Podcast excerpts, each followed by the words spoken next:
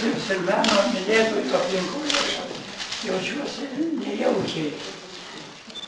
Todėl, kad su menu mane ryša tik tai tai, kad aš esu poetų sūnus ir dailininko tėvas.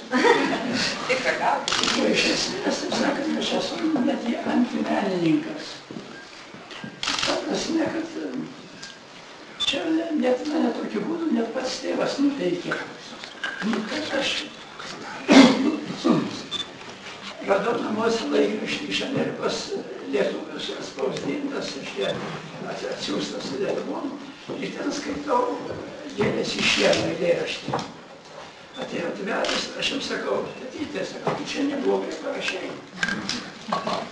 Jis sako, ko pa- parodyk. Sakau, štai čia, a, sako, gėlės iš šieno, čia niekai, čia Sachalinas.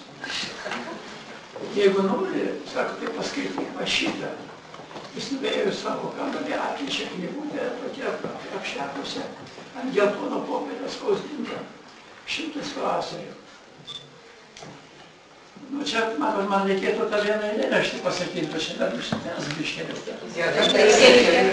Aš at- atsiverčiu tą knygutę, skaitau. Berlynas aukštyn kojom drypso, o mėno senas idiotas elektros laidų paža- pažabotas šypso. Gatvėse medžiai apkarpyti, nežino sprogti jiems ar ne. Tik tai už lango vazone svaigių, skanių kvapų pilni, narcizai pradeda, pradeda, pradeda šaipytis. Lyg,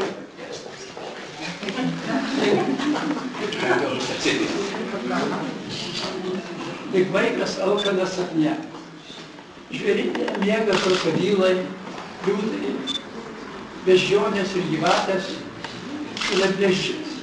šalia žvėrino savo veiklą jau reikės būti aristokratas. Juk laikas jau nakties antra. O tramvajai ir automobiliai pabaigia gatvėse kadrynį, senai buvo susisvarstę, pralegdamas katras katrą. Jau vietoj, jau vietoj merkės elektra.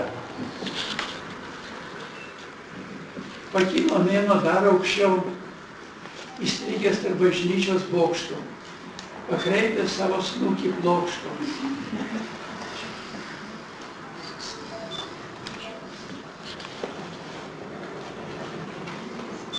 Jis išsižiojo dar plačiau. Jis įsižiojo dar plačiau ir atsidūsto, pūstelėjo ir šiltos rovės minkšto vėjo užlėjo knarkiantį Ber- Berlyną.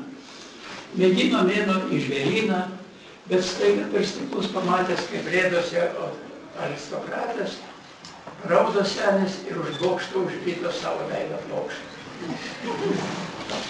Nu, sako, nu, kaip mes klausome, nu kaip? Nu, kas kaip? Ar galima palyginti su gėlėmis taip patraukiu pečiais. O tėvelis taip liūdnokai sako, nu, kada nors tu suprasi. Nu, tas kada nors atėjo, žinoma, bet jau, galima sakyti, jau, jau gerokai, gerokai per vėlai. Tėvelis jau buvo miręs. Ir aš tikrai supratau, kad vieną dalyką, ką jis norėjo pasakyti. Šitais eilėraščiais jis norėjo parodyti, kad už lyriką ir, ir poeziją ir, ir, ir, ir menus svarbesnis yra pats gyvenimas. Ir vat jo, jo tie vėlyvėjai šimto pavasario, reiškia, eilėraščiai tai yra gyvenimo teigimo, teigimas. Ir po to jis daugiau neberašė eilėraščių. Aš jo nepaklausiau, kodėl sako, tu nerašai eilėraščių daugiau.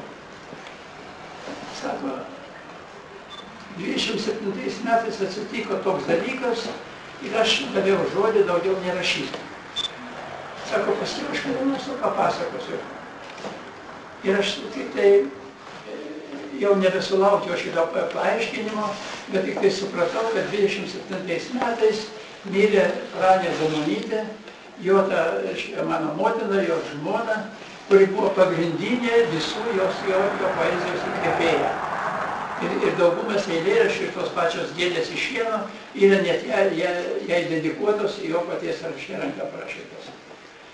Ir todėl šiandien mano didžiausias dėmesys ne tiek, ne tiek į menus, kadangi jie dar žmogų užliūliuoja. Jie tokie yra, nu, neša sakarį, sakarino tokiais prieskoniai, kad žmogų, žmogų pagražinti, palinksminti. O tuo tarpu pats gyvenimas yra žymiai, taip sakant, kartesnis skonio. Ir mes labai daug laiko praleidžiam ieško, ieškodami to sakarino, vietoj to, kad ieškoti tokių nu, svarbesnių, taip sakant, gyvenimiškų, taip sakant,